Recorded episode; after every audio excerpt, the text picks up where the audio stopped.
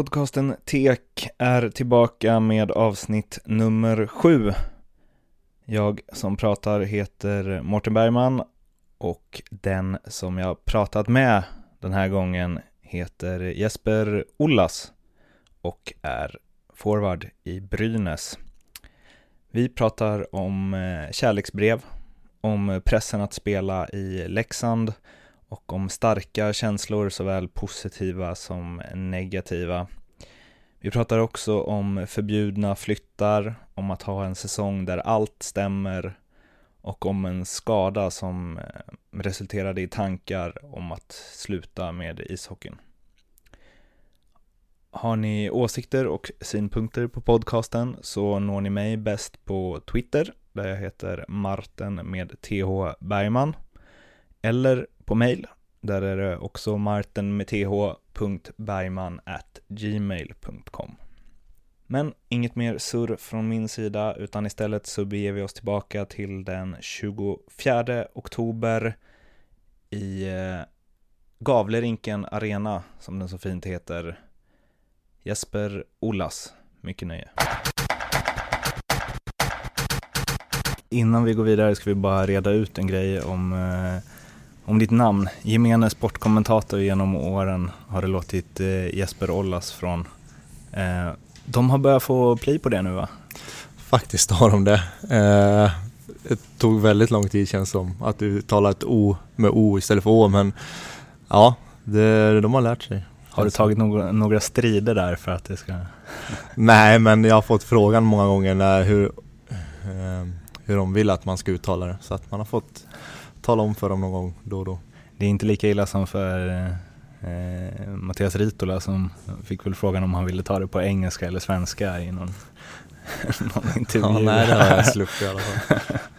Jag eh, har ju en eh, speciell relation till dig. Jag skrev ett, eh, ett långt blogginlägg för sex år sedan som jag inte kommer läsa upp eh, på grund av skämsfaktorn. Men för att ni ska veta vilken nivå det låg på så avslutades eh, orden med om man kan älska en ishockeyspelare bara för sättet, eh, eller en person bara för sättet han spelar hockey på så älskar jag dig Jesper Olas.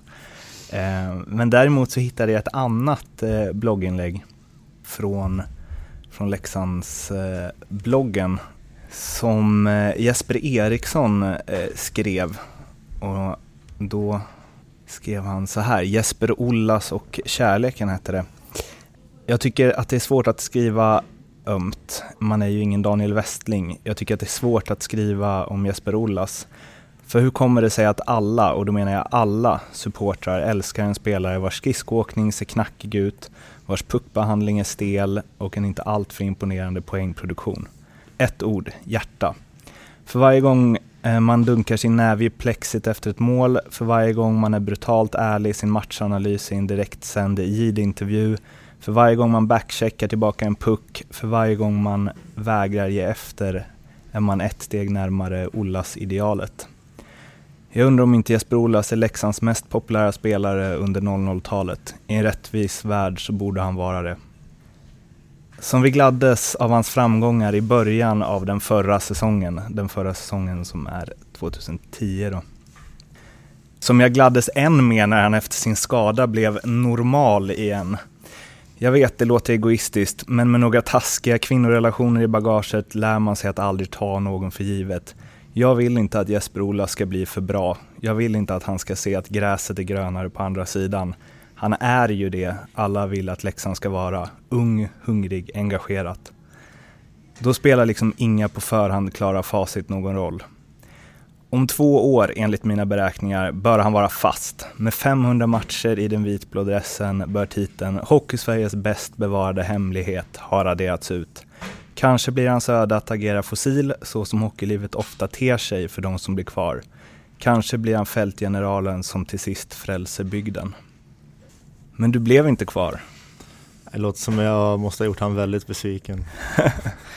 De uh, orden och den populariteten du hade i Leksand, hur ser du tillbaks på den? Nej men det är väl som...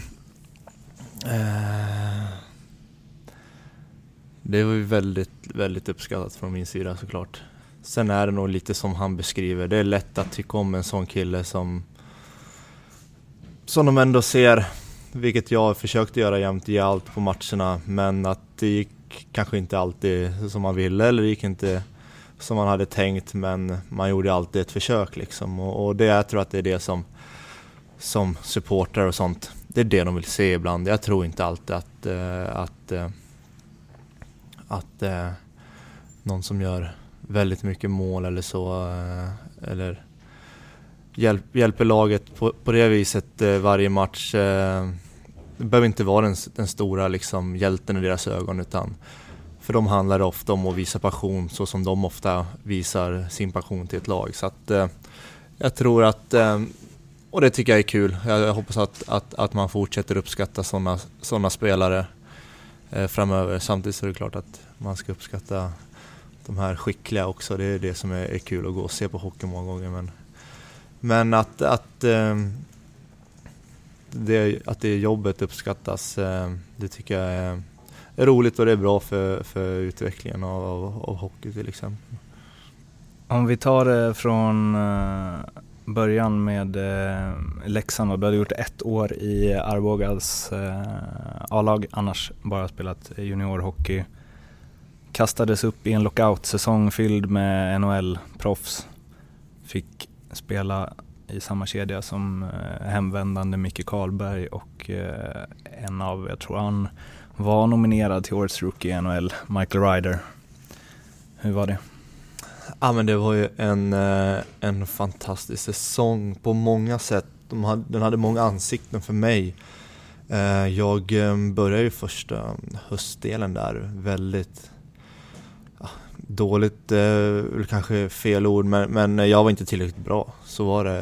Eh, spelade inte alls mycket, spelade lite juniormatcher. Sen vet jag att eh, spela back på träningarna. Utan, eh, så att det, det, var liksom, jag var ung så det var väldigt svårt att slå sig in i det laget då. Eh, sen eh, vet jag att eh, sportchef då i Leksand, Anders Masken Karlsson, hörde av sig och sa att du, jag tror vi, vi ser till att, eh, eh, att du får lite istid nu så vi skickar dig till Arboga igen. Och det tyckte jag att ja, men det är en bra lösning för som det är nu så utvecklas jag ingenting. Liksom.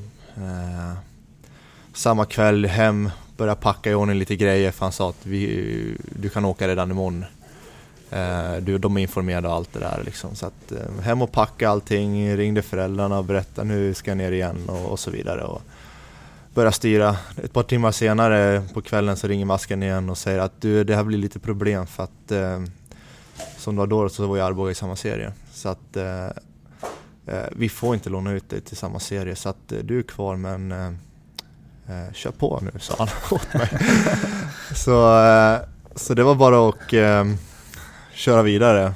Sen vet jag att det var någon match uppe i Skellefteå då egentligen allt vände för mig. Det här brukar mamma prata om många gånger. Det var, jag tror att det var bröderna Rosén som var borta på grund av någon familjeskäl och gjorde att jag fick, fick chansen att spela då. Och jag gjorde, då var ju Skellefteå ett topplag eh, precis som vi det året. Så det var en, det var en sån stor match då.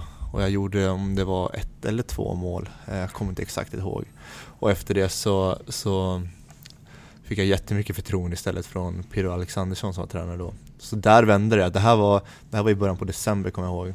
Innan det nästan ingenting och sen vände det på en femöring efter den matchen och, och fick spela första där med Ryder och Karlberg och allt det där och sen Sen var det väl lite som en saga för mig resten av året med mycket, mycket istid, en del poäng och, och sen en kvalserie som gick, gick jättebra för mig och laget då, eftersom vi, vi gick upp det året. Då. Så att det, det, var, det var ett år som ja, det kommer vara omöjligt att glömma det för all framtid för mig i alla fall. Hur var det att spela med Karlberg och Ryder? Nej men det var, det var skitkul liksom. Det var rugg, två ruggigt ödmjuka killar. Och Micke Karlberg är väl kanske den smartaste killen jag spelat med någon gång. Eh, otroligt klok center och jättebra grejer på isen, jättebra saker att komma med utanför. Så att det var, han gjorde det ganska lätt för en. Eh, ganska tydliga roller i den kedjan. Ja men det hade vi. En som eh, passar, en som gör mål och en och, som jobbar. Ja, jag visste ju hur det var men det var som enkelt också för att eh, det var hårt jobb och sen eh, när vi hade vunnit pucken så behövde jag egentligen bara ta mig in på kassen och stå där någonstans. Karlberg, skicklig som du säger med puck och, och passningsläggare och Ryder hade ju ett kanonskott eh, så att han gjorde jäkligt mycket mål. Alltså att det, det var tydliga roller och det gjorde det också ännu enklare för mig. Den säsongen ni gick upp, man blir eh, hjälte i sin eh, egen hemby. Um, och du, hur gammal var du då? 20? Jag tänker att det här med fotfäste eh, kan släppa lätt då. Mm, absolut. Eh, det kanske det gjorde också för många. Jag menar, vi startade ju året efter otroligt dåligt. Mm. Med tio raka förluster, eller om det var tio raka utan vinst. Sju raka förluster var och tio utan vinst. Ja, precis. Mm. Så att, eh, det är klart att där kanske vi svävar iväg. Eh, och det, det är verkligen en grej man har lärt sig idag tycker jag. Det, det, tråkigt nog, man kan göra en jättebra match men när den är över så är det verkligen historia. Så att eh, för att hålla sig på en jämn och hög nivå så gäller det verkligen att, att, att vända blad direkt. Hur var det för dig då? Att liksom uppleva det så tid, som du säger, från att inte få spela och skulle ut, lånas ut i Arboga till att bli firad hjälte liksom? Uh, ja men det, jag kommer ihåg att det är klart att man, man var nöjd och det ska man väl få vara också liksom. Otroligt stolt över vad vi gjorde som lag och jag var klart, klart jag var stolt själv över, över vad man hade presterat och vad vi hade gjort som lag.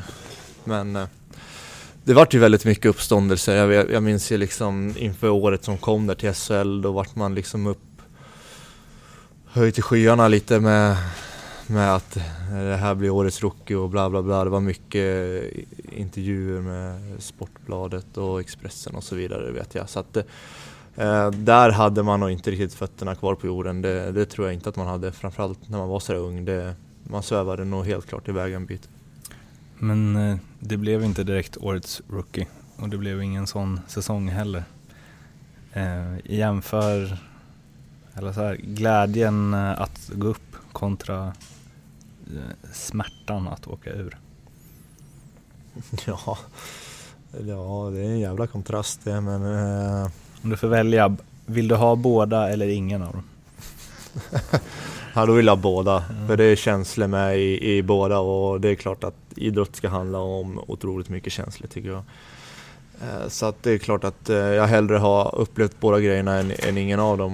Eh, men det är, det är, som, det är skittufft liksom och, och framförallt, vi har varit inne lite på det här med att det är en liten bygd och, och så vidare. Då, då, är det då är det som svårt, svårt att liksom bara skaka av sig saker och ting utan det, det blir att det följer en på något vis. Eh, man kan skaka av sig det själv ibland men man, kan, man blir väldigt fort påmind också i, i ett litet samhälle.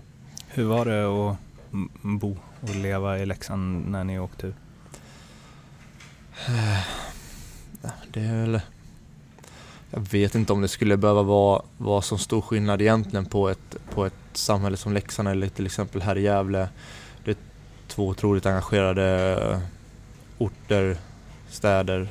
Så att... Eh, så att... Eh, nej, det, det är klart att det, det var tufft. Eh, jag tror att man själv tar på sig mycket istället för vad folk egentligen tycker. Man, man, man fick mycket, mycket samtal men det var liksom, det är jättemånga som liksom, det är lugnt, det, det, ni kommer igen och allt det där. Man fick jättemycket som stöd egentligen. Det är nog mer att man själv gick liksom och kollade sig över axeln, är det någon som står här och är förbannad på mig snart liksom när jag står och plockar den här frukten liksom mm. i disken här. Utan jag tror att man målade upp en bild av att det var jobbigare än vad det behövde vara egentligen. Du var aldrig med om något så? Nej, absolut inte. Nej, nej, mm. utan det här det är verkligen inte. Eh, sen tror jag att eh, om vi går på Leksands fans där så tror jag det kommer kanske som det är idag och förhoppningsvis i framtiden kommer de nog aldrig behöva, behöva utstå särskilt mycket från de fansen. Det, det är lite mer älskan hata från dem om man säger så. Jag googlar ju och youtubar eh, alla jag intervjuar i den här podcasten och när man googlar dig så kommer det upp en intervju med DT. Jag tror att det är, kan det vara två år efter att du, ja det var nog inför att Eh, det skulle vara Leksand-Brynäs i premiären där av SHL. Eh, och då sa du att, eh, pratade om att hela livet kretsade kring hockeyn under tiden i Leksand.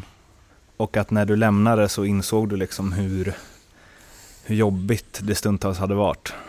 Eh, kan du berätta lite om det, hur det var? För ni, ja, det, första året när du gick upp, det var ju egentligen er enda framgång under åren du spelade där.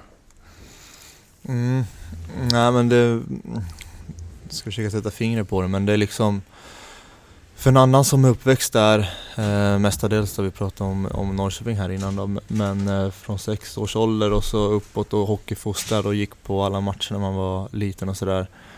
Eh, och som, som människa är jag väldigt känslo, känslosam liksom och, och sådär. Så att eh, jag tycker att eh, jag vet att man eh, det var liksom, man kände, man hade någon typ av, av, eh, av krav och något som tyngde en liksom hela tiden. Eh, när man väl var där så tänkte man liksom inte riktigt på det. Men framförallt märkte jag skillnaden när jag fick komma, komma till en ny klubb som jag egentligen inte hade någon typ av relation till alls. Att jag kunde slappna av och spela ut på ett helt annat sätt. Eh, och, och vad exakt det var som gjorde att man kände sådär i Leksand, det, det vet jag inte. Men förmodligen rent, rent känslomässigt att man ville, ville kanske för mycket. Det är precis som, som när man spelar hockey. Vill man för mycket blir det ofta fel. Mm. Det, den, den, den, eh, den skillnaden kände man av, kände jag i alla fall av jättemycket när jag kom hit. Det, det vart ett helt, helt annat, annat eh, en annan frihetskänsla för, för mig att spela hockey kände jag. Mm. Var det lite det att, eh, men som det jag läste upp förut, att du var ju någonstans här eh, supportrarnas, supportrarnas spelare och alltså, hur ni än presterade så skulle alla alltid identifiera sig med dig liksom. Eh, och Leksand med dig. Att det är så vi vill att Leksand spelar att du hela tiden hade en otroligt så hög kravbild på dig. Även om det inte gällde att göra poäng. Mm, mm så var det säkert. Eh, att, att, eh, att få vara bara personen var nog svårt. Eh, jag ville också utåt att det skulle se bra ut. Mm. Eh, och det, det är väl kanske det största felet man gjorde då kan jag tycka att eh, man var för lite ego. Man, man, eh, man, eh, man gjorde saker många gånger som man trodde att fans, supportrar, tränare ville att man skulle göra liksom till vardags, som jag nu pratar mer utanför.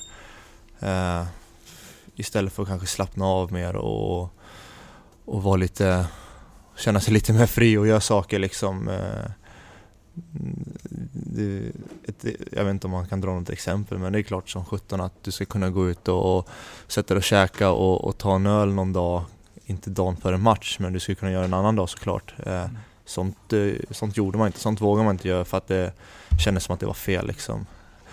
Det har nog mycket med åldern att göra också men, men eh, den känslan hade man ju mycket liksom vet jag. Att man försökte vara ett proffs hela tiden liksom, mm. för att det var så litet och folk såg en hela tiden så att man kände att man var tvungen att göra så eh, för att det skulle se bra utåt också. Liksom. Mm. Mm. Mådde du en, alltså all, all press eh, kring det laget och så vidare och era resultat att de inte gick eh, med trots stor satsning på stor satsning. Eh, Eh, mådde du dåligt? Nej, absolut inte. Jag mådde aldrig dåligt där så. Absolut inte. Jag är sån som person också. Jag vill vara noggrann med saker. Så jag ska inte stå och säga att det bara på, bara på grund av det man var det. Men, men eh, jag tycker att, eh, eh att eh, man gjorde kanske lite väl, väl för mycket och lite väl för mycket för, för andras skull. För, för att det skulle se bra ut i andras ögon det är väl något som jag, jag tror säkert lever kvar där som eh, jäkligt viktigt att, att folk runt omkring och ledare där runt omkring förstår att, att eh, de måste få vara, vara, vara personen ibland lite vid sidan av och inte behöva agera efter vad folk runt omkring vill. Du som har varit i eh, Leksand, eller som var där så länge, att det aldrig verkar vara lugn och ro kring den föreningen. Eh, jag hade en blogg, eller har en blogg, eh, halvaktiv, som heter Cirkus Leksand. För jag tycker att det speglar föreningen bra. Varför är det alltid det där? Ja, men det är nog lite det här jag, jag, jag är inne på här. Jag tror att eh, det är sånt här som är, eh, är tufft för spelare. Det gäller att vara otroligt... Eh, det är lätt att man blir, man blir känslomässig där för att det är så engagerat liksom och att man känner att man, man känner att man vill ge mycket tillbaka för att det, det engageras från höger och vänster överallt egentligen. Så att eh, det, det blir en automatisk kravbild du får som spelare där. Det, det, jag tror det absolut bästa är det att ha ledare och spelare som, som törs liksom gå emot det där lite och, och, och, och känna att, att, eh, att de, de ska göra det och inte, inte liksom att man ska göra det för, för, för andra, för fans och sådär. Det, det är en sån känsla jag, jag får väldigt ofta liksom att eh, eh över just, eh, över just Leksand. Mm. Hur är det som spelare att vara så här, för det har hänt ganska mycket grejer i den föreningen som inte beror på er på isen liksom. Det, det, känns som att det alltid blåser runt om. Hur är det som spelare att prestera i det? Man pratar ju alltid om att så här, eh, ja, som när Skellefteå hade sina, eh, eller det har de väl fortfarande, men sina, sina guldår liksom att så här, det börjar eh, på toppen. De har en bra ordförande och sen så nedåtgående led. Vilket ibland känns som någon form av efterhandskonstruktion att det egentligen börjar på isen. Men just det här med att prestera när det det är liksom ekonomiskt strul, nu var det efter du var där och så, men det är ju det var ju rubriker hela tiden som inte handlade om spelet. Ja, nej men det, jag, ty jag tycker att det, det, det är klart att det förstör. Det, det är inget snack om den saken. Att, eh, att få bort så många problem som möjligt gör ju att spelarna kan, kan fokusera på det de ska. Eh, det är jäkligt enkelt. Eh, kan man hålla det där Dels internt många gånger tycker jag. Och och att sen folk kan eh, runt omkring prata hockey mycket och att supportrar vad de nu sjunger eller vad de nu gör på olika hemsidor eller vad det kan vara. Det, det går ju inte att påverka, det, men det kan man ju bara skita i att titta på till exempel. Mm. Men att eh, skapa en lugn och ro och en trygghet för spelarna, det är ju A och O för att de ska kunna prestera tycker jag. Eh, så att som du säger, de brottas ju med grejer stup i ett så att eh, man blir tyvärr inte förvånad över att, eh, över att det, att det är tufft för dem ibland att prestera på isen. Var du kvar för länge? Nej, det, det tycker jag inte. Utan det var otroligt lärorika år och som jag sa förut, jag mår aldrig dåligt även om jag pratar om det här med kravbilden som fanns det är också otroligt kul, det är en otroligt rolig förening att spela i. Det ska man inte glömma med tanke på just allt engagemang. Men eh, jag tyckte när jag väl fick, eh, fick erbjudandet när det kom, då kändes det rätt att, att det är läge att prova. Innan det hade jag... Innan det var liksom aldrig tanken på att flytta därifrån och spela någon annanstans. Det känns ändå som att och jag tror jag läste det i någon intervju under researchen också, eller så kommer jag bara ihåg det från den intervjun. Men att, eh, ja men att du kanske stannade, alltså om vi helt fokuserar på din egen utveckling och din egen potential som hockeyspelare. Återigen, som texten jag läste upp från början, att det kändes som att så här, eh, ja, att du kanske var för bra. I alla fall den säsongen innan du lämnade. Att du liksom om du bara skulle tänkt på dig själv, jag vet Niklas Persson var inne på det också, att så här, ja, jag kanske brann för mycket för föreningen för min, helt och hållet min egen karriärs bästa. Kan du inte känna det alls? Det är väl lätt att sitta i efterhand och, och, och,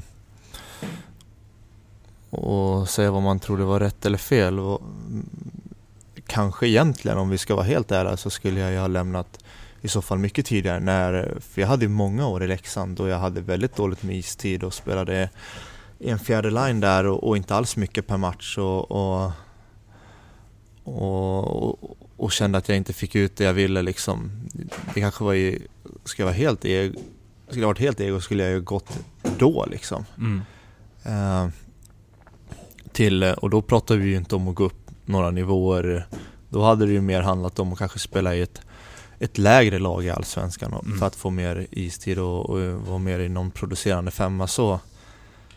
Eh, men, eh, men, eh, men samtidigt, alltså jag fick ju spela i, i ett lag som krigar om att gå upp varje år, så det, det ville man ju göra. Sen, sen hade jag väl två säsonger som, som var bra i Leksand poängmässigt, framförallt sista där liksom. Mm.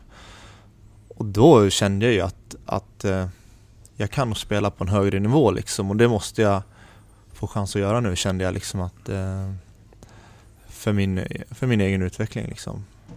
Uh, och då kändes det rätt, uh, rätt att ta klivet uppåt så att säga. Men uh, ja, som du säger, helt ärligt så kanske jag skulle tagit ett kliv till och med ner tidigare för att, för att fått den där utvecklingen tidigare. Det var ju snack om Västerås någon säsong minns jag, eller någon sommar. Ja, jag, jag tror att det var Snack. Det var ganska mycket snack mm. faktiskt. Eh, det var aldrig något jag hörde från eh, konkret. Eh, så att, eh, nej, det, det, var, det var liksom aldrig aktuellt eh, har jag för mig. Man glömmer fort med åren också. Sen eh, blev det ju Brynäs. Hur, eh, nu, känns det, nu känns det nästan dumt att fråga det här eftersom jag typ vet, men jag frågar ändå, hur togs det emot? Ja, det var Det var väl liksom väldigt eh,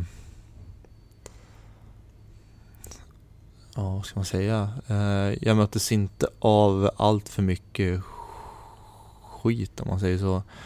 Eh, det, det var det väl inte. Lite få grejer sådär som det, supportrar som var besvikna och så vidare.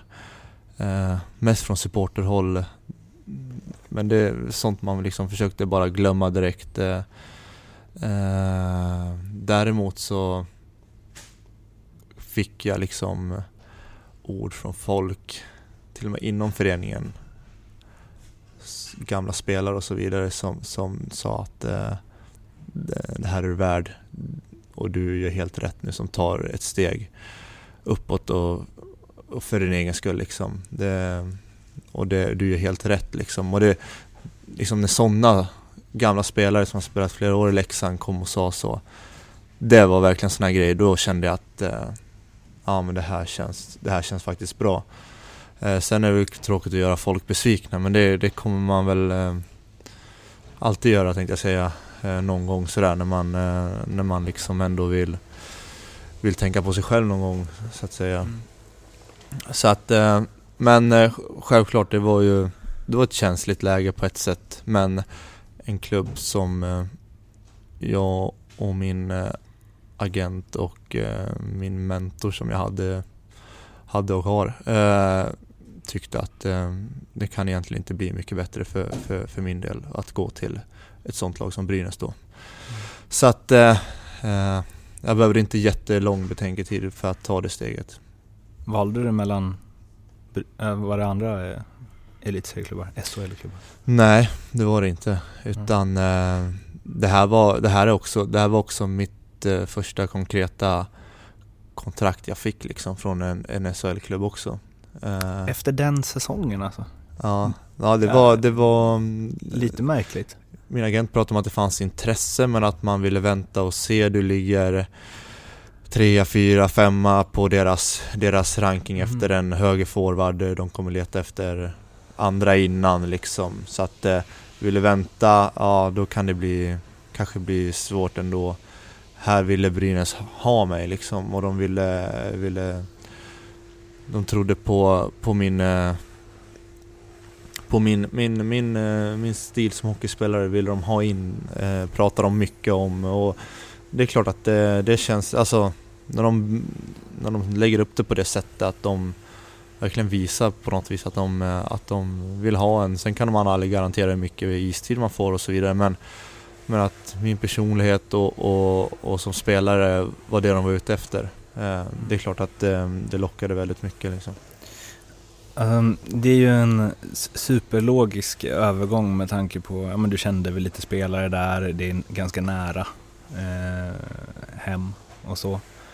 Ehm, ehm, eh, men eh, återigen någon intervju från den, ja, från den DT-intervjun där, att du sa att liksom, jag hade aldrig gått till Mora för där är det, eh, den övergången hade jag aldrig kunnat gjort, men med Brynäs är det ändå lite hatkärlek och den rivaliteten har ju egentligen inte liksom funnits på ja, 40 år. Så.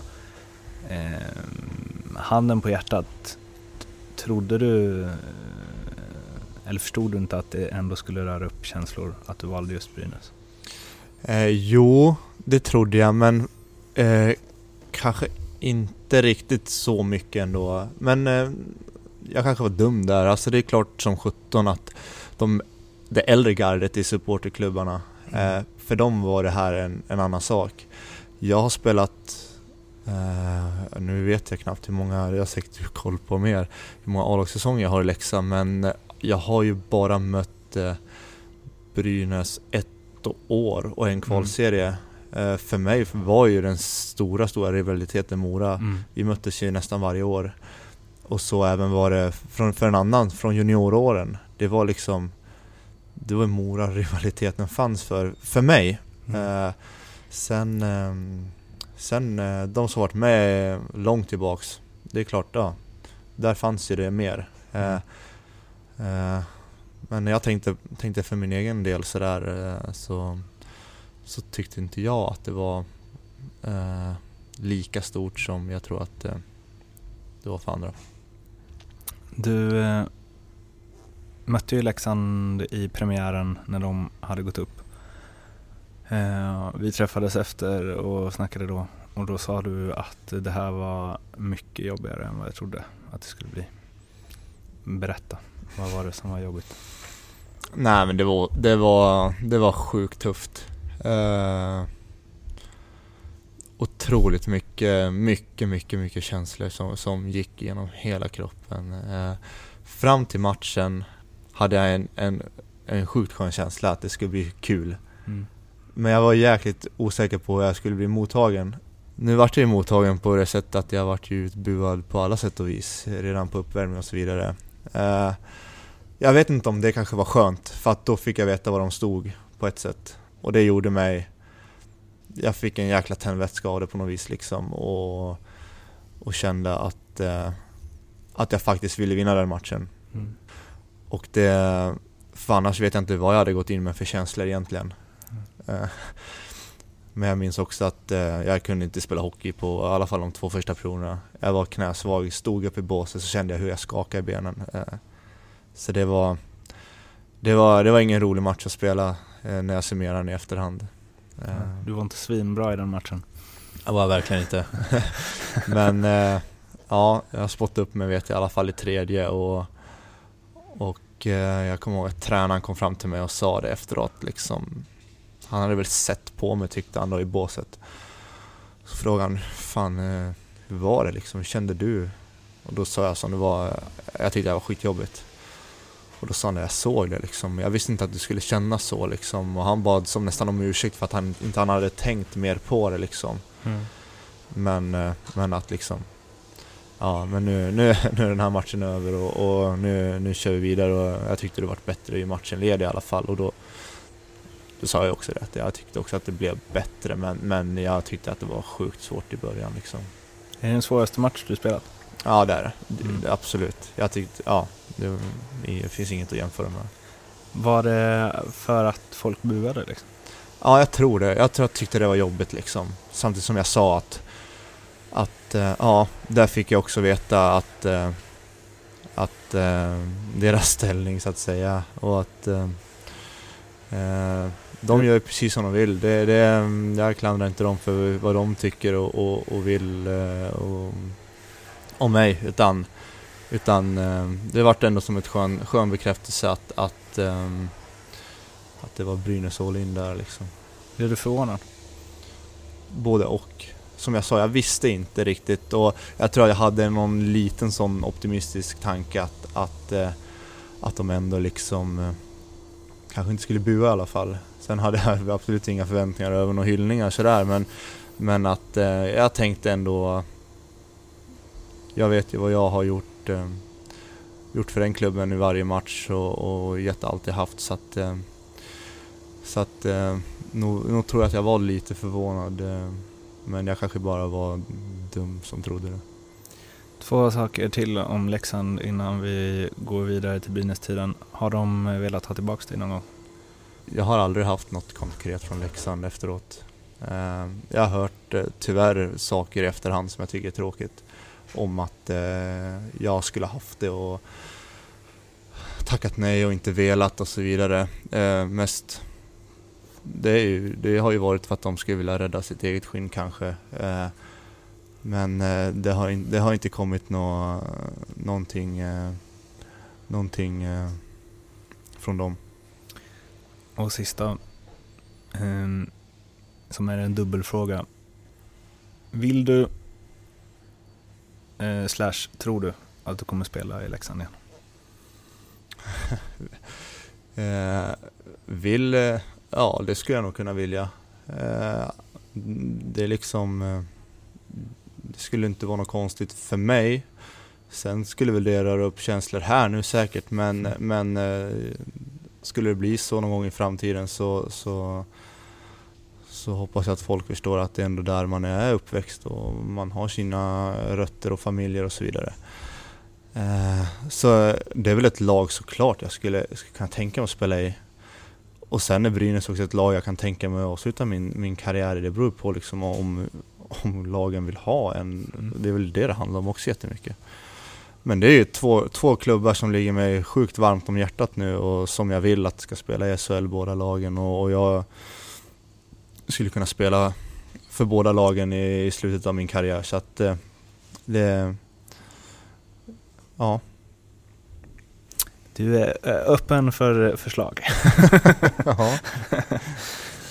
um, på tal om bra första säsonger Eh, bra första säsong i Leksands A-lag.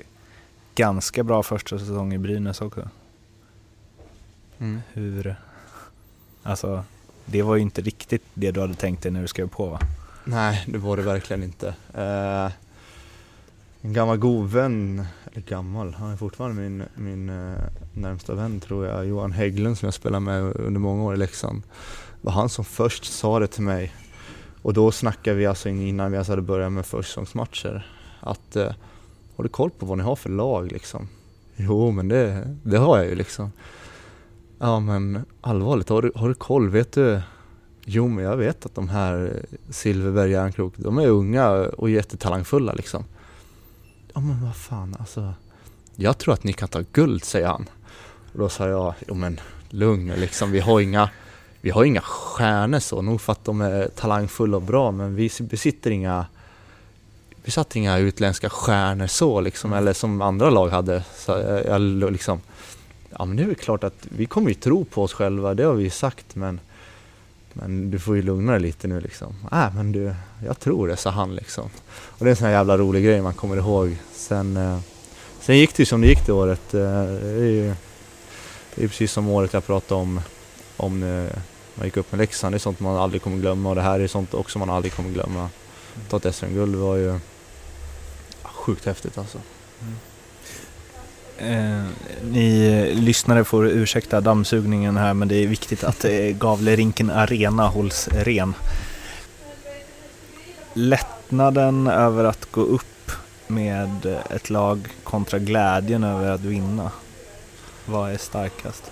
Ja, men du sa det ju själv där nästan. Eh, framförallt kanske i en sån klubb då som Leksand när du går upp. Där är det ju mer kanske en lättnad, eh, någonting som släpper. Det fanns, eh, fanns ett krav på att man nästan skulle upp eh, och man grejade Det blir liksom lite mer med en pusta ut glädje eh, när man istället eh, går och vinner som underdogs här liksom. Eh, eh, det var ju bara liksom sån eh, eufori liksom.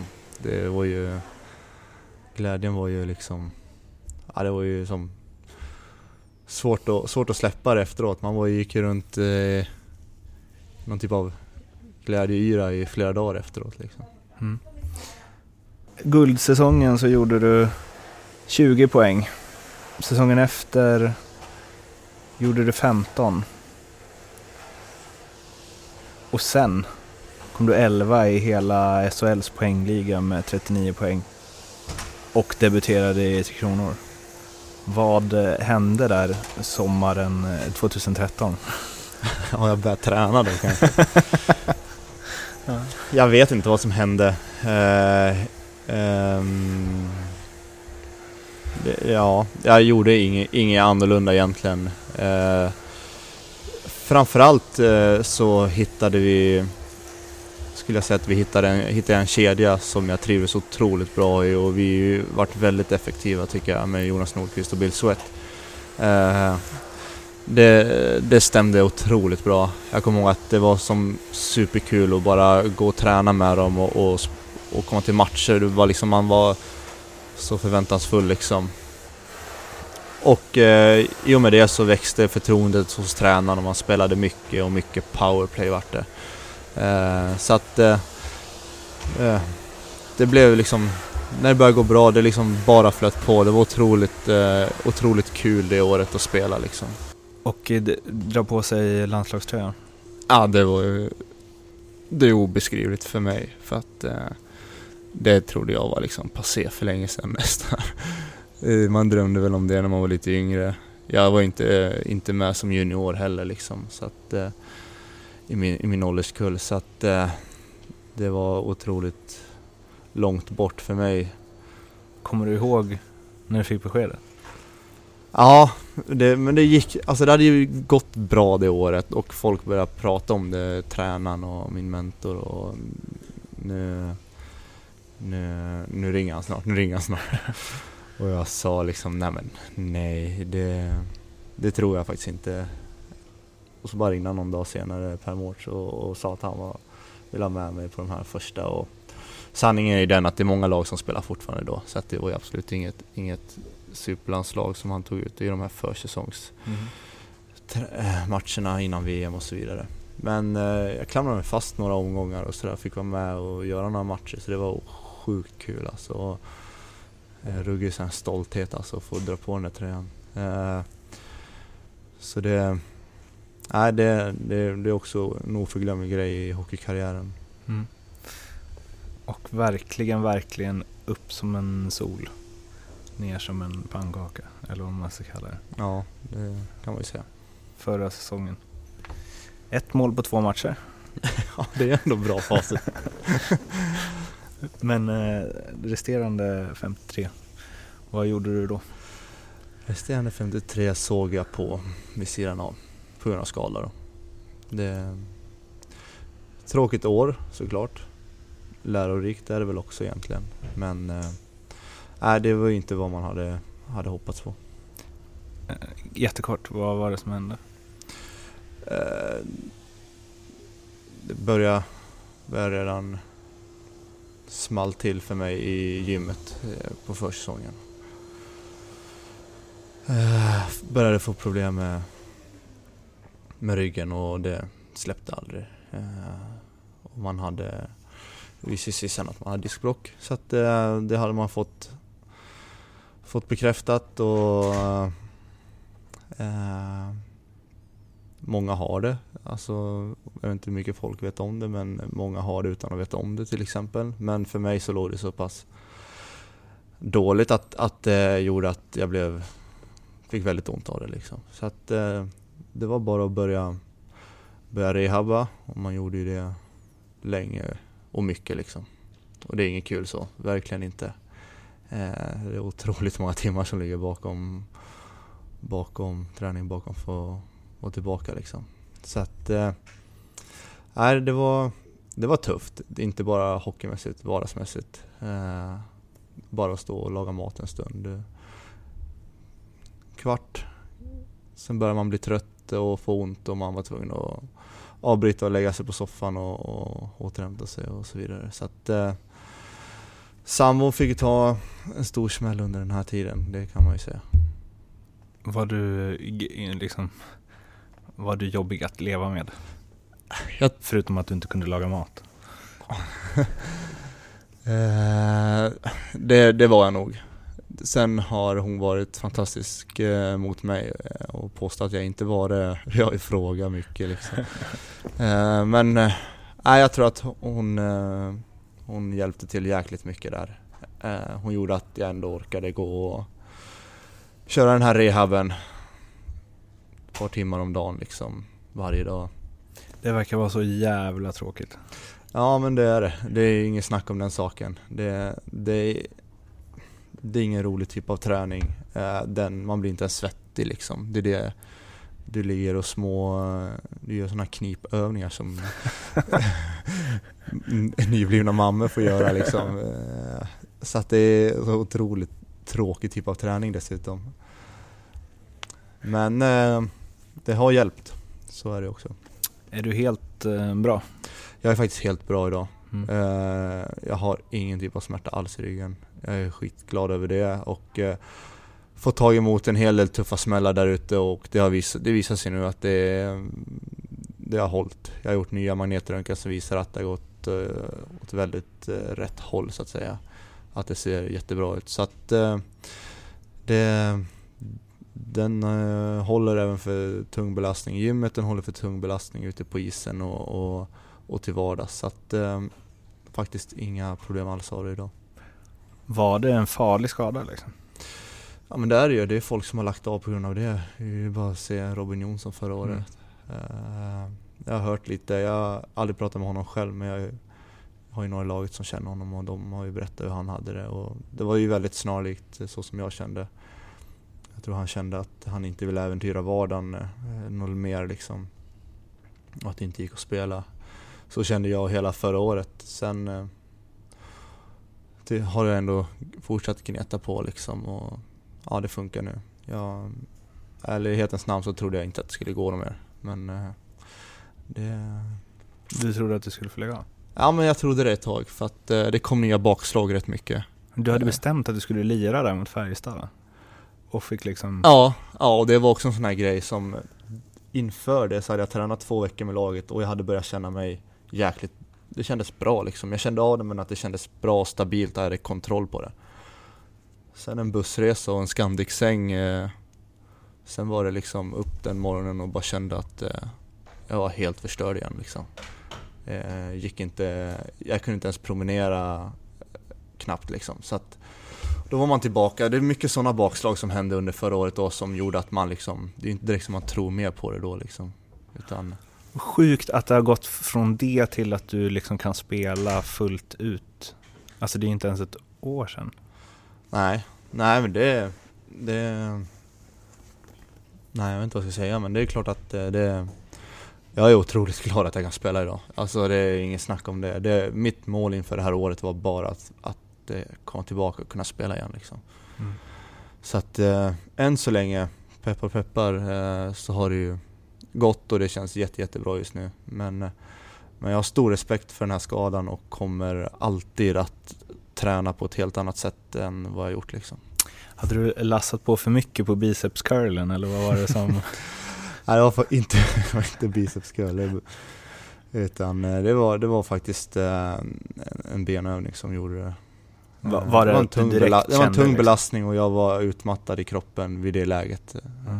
Kände du direkt? Att det var en smäll, absolut. Ja. Det var som en, en smäll och jag fick som kramper direkt i ryggen. Och behövde liksom som akut behandling om man säger så direkt. Ja, fy fan vad läbbigt. Ja men det, det, det läbbiga är ju att eh, du kan ju få ett ryggskott. Mm. Och det, det är grejen att jag fick ett ryggskott inför den här säsongen här nu på försäsongen. Det var det som gjorde att jag var borta i början. Och det, det, är samma känsla. Och du vet ju inte, ett ryggskott går över på två veckor. Men när det är diskbråck så kan du ju ha stora problem lång tid mm. framöver. Så att, eh, så att eh, ja, just då visste man inte exakt vad det var men eh, Hur långt hann du komma i lägga av tankarna? Nej men de, inte så långt, men det är väl klart när de här bakslagen kom så då, då stod man ju för fan och med nästan gråten i halsen liksom och bara ville lämna in trunken liksom och säga att det, det här jag orkar inte mer liksom. Men, nej då, men det, man kanske var lite vek och liksom, men det, det, när de väl kommer så känns det liksom inte bra liksom. Det är de demonerna som mm. finns där. Kopplat till eh, det här, jag har även youtubat dig och det finns eh, en video där du har fått eh, en klubba i, eller under ögat och du står och säger att du ska spela match dagen efter. Vilket du berättade förut att du också gjorde och gjorde mål fast du inte såg så mycket på det ögat. Det och jag tänker också eh, rygg, ryggskadan liksom. Um, hur mycket är du eh, ja, men liksom beredd att offra för hockeyn? Ja, man, eh, man är beredd att offra väldigt mycket. Så är det ju liksom. Det är, någonstans är det ju ett jobb man har idag. Alltså ett, ett jäkla bra jobb att ha. Det är inget snack om den saken. Eh, så att av den anledningen så kan man hålla på så länge som möjligt så är det bara bra. Men, men framförallt liksom att det är så jäkla kul liksom. Det, det är väl det som gör att det kretsar mycket. Sen, eh, sen eh, när man blir äldre ändå så tycker jag att man får en mycket bättre distans till det. Eh, vi fick barn också förra hösten och det ger också en helt annan distans till, till det, vilket är skönt på ett sätt, måste jag säga. Ähm, nog, nog har mycket kretsat kring hockey men jag tycker att, äh, att man, har en, man har en annan, en bättre balans med det idag. Avslutande lite um, enkätfrågor, eller vad man ska säga, som jag kör med alla. Bästa spelaren som du spelat med? Ja, eh, just spelat med själv eh, för stunden var nog egentligen Michael Ryder eh, då. Han var riktigt, riktigt bra. Jag, jag, måste nog säga honom. Och då gjorde han ändå inte många knop innan offensiva blå alltså. Nej, jag kan säga att de knopen han gjorde efteråt, det räckte för att, för att vara, vara riktigt bra i det, här i Sverige då. Den bästa du mött? Ja, den bästa jag mött Ja, egentligen är väl det en sån som typ Peter Forsberg i en sån här uppvisningsmatch mot när de hette Icebreakers mm. så att säga. Men det blev väl inte riktigt... Eh, han fick väl inte riktigt eh, visa vad han gick för i de där uppvisningsmatcherna så. Men det är klart att det är väl den bästa hockeyspelaren man har mött så. Men om du ser till liksom den bästa motståndaren du haft, där du känner att bara den här är eh, svinbra? Eh, ja, men jag, jag tycker som att en sån som eh, eh, jag tycker Linköping har haft några bra spelare här de sista två åren. Jag tycker att en sån som Brock Little är riktigt en duktig, skicklig forward. Mm. Jag tycker att Rahim och Junland är två individuellt duktiga backar liksom. Mm. Eh, på det de gör liksom är otroligt, otroligt bra. Så att, eh, sen har jag inte spelat på så mycket liksom mot så mycket högre liksom lag så. Radolo mötte vi ju mm. lite i träningsmatcher förut med Leksand. Vi mötte ju de där, de där ryska lagen lite då och det var, det var ju en otroligt skicklig spelare när han väl tog i, kommer jag ihåg. Du var med då, det var mot Salavat Julajev. Ja, När ni ledde med, ah, hur var det nu? Det stod 3-0 va, till er? Inför sista, eller något så här. Och sen så berättade Andreas Johansson spelade i Salavat och då berättade jag att tränaren hade kommit in och sagt vänder ni inte det här blir det backträning ikväll. Och sen åkte de in och gjorde fem första tio i sista perioden. Kommer jag ihåg. Jag minns, jag minns inte riktigt så, men jag kommer ihåg att de, eh, när de väl tog i ja. så var de sjukt bra. Alltså. Den bästa lagkamrat du haft, både som liksom eh, vän men också hur personen är i omklädningsrummet. Om du skulle flytta till en öde ö, får ta med dig en person och ni ska starta ett hockeylag. ja, då tar jag med mig min gamla vapendragare Johan Hägglund tror jag. Mm. Det, eh, det är en bra kille, otroligt bra. Han var otroligt underskattad hockeyspelare. Jag tycker han la av, tyvärr så la han ju av lite för tidigt men det var en kille som själv inte trodde på sig, på sig själv så att, eh, det var synd att han inte fick chansen lite mer tycker jag. Men en bra kille utanför och på isen. Eh, har du blivit starstruck någon gång? Peter Forsberg? Peter Forsberg, ja, som vi pratade om i så fall. Ja, det måste jag väl säga. Hur yttrar det sig? Exakt hur vet jag inte men... Och inte så att du... Men eh, nej, nej utan no, ja, man har väl, det var ju som en uppvisningsmatch, man, det är klart att man kanske inte var superfokuserad på vad man själv skulle göra utan man åkte Mm. nog jäkligt mycket och tittade på vad han gjorde även om man var ute samtidigt på isen. Mm. Eh, hur mycket tjänar du? Hur mycket jag tjänar? ja, jag tycker inte det vore fel att ha, ha öppna, öppna löner så egentligen. Men nu har vi inte det och mm, då, då kör vi på den linjen nu också. Är du nöjd med din lön? Nej men det var ju som jag sa här nyss, alltså att vara hockeyspelare är ju kanon, ett kanonjobb egentligen. Eh, och så länge man kan vara det och, och ha en bra lön som, som även gör att man kan eh, ha en bra pension och så vidare. Dels för sig själv och framförallt för familj liksom. Så att det är klart att det, det, det, det är en bra lön om du ser till, ser till vad en snittlön ligger på i Sverige. När skrev du ditt eh, det treårskontraktet? Var det efter den säsongen du gjorde massa poäng? Nej. In, säsongen innan? Ja, säsongen innan. Tänkte om det liksom tryckte upp den. Ehm, din största framgång som hockeyspelare? Ja men det är ju det året jag gjorde 39 poäng och fick spela eh, spela med spela några matcher med Tre Kronor. Det är ju det är klart att det, det då har jag varit som bäst som hockeyspelare det året. Kommer du dit igen? Jag hoppas det. Eh, jag kommer jag kommer nog alltid sträva efter det. Hur gammal jag än blir så kommer jag nog vara dum nog att tro att jag kan bli det kanske. Men, men jag kommer nog... eh, Jag är beredd att offra ganska mycket för att, eh, för att fortsätta utvecklas även fast jag blir gammal. Eller blir äldre hela tiden. Ditt största misslyckande som hockeyspelare? Ja, jag tycker väl att eh, jag har svårt att se något så här personligt. Jag tänker direkt på många misslyckade år i Leksand vi inte... Vi var bra fram till kvalserien och där, där, där eh, fallerar allt liksom flera gånger om. Det där är sånt eh, man tycker att vi borde kunna knyta ihop säcken något år mer än det enda året vi gick upp där. Vad är det um, sjukaste, konstigaste som hänt dig inom ishockeyn? Ja, jag, den är svår alltså. Finns så många att välja mellan. Nej, jag tycker det är svårt att hitta någon liksom, men, men jag, det är väl såna här sjukaste, jag vet inte om man ska försöka hitta, på, hitta något roligt, men jag tycker ju att de, de sjukaste eller såna här tråkiga minnen är en del skador som har hänt liksom på medspelare och sådär. Det, sånt berörs man ganska mycket av, tycker jag, i alla fall jag gör det. Eh, det är sånt man vill gärna slippa med, med hockeyn egentligen.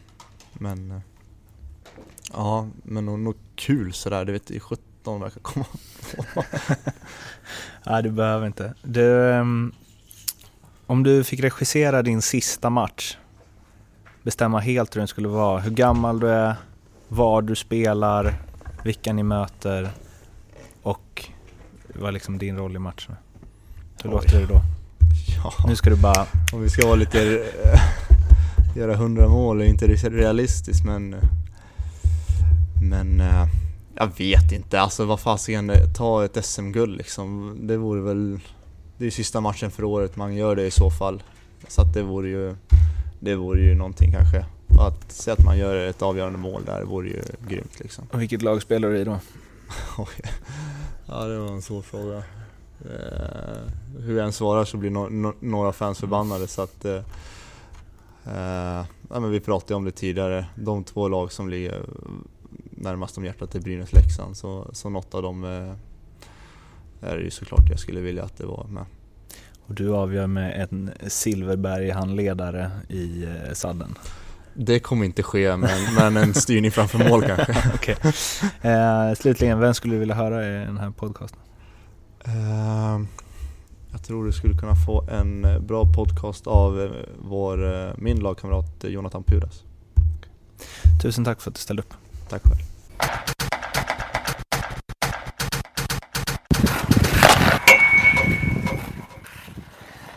Sådär, där var det färdigsnackat.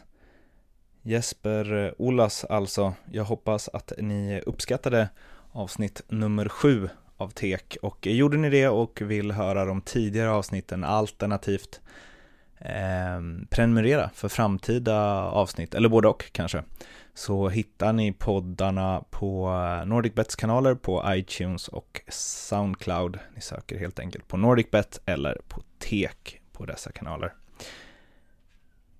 Nästa vecka så återkommer vi med ytterligare en gäst. Men tills dess, ha det så fint så hörs vi.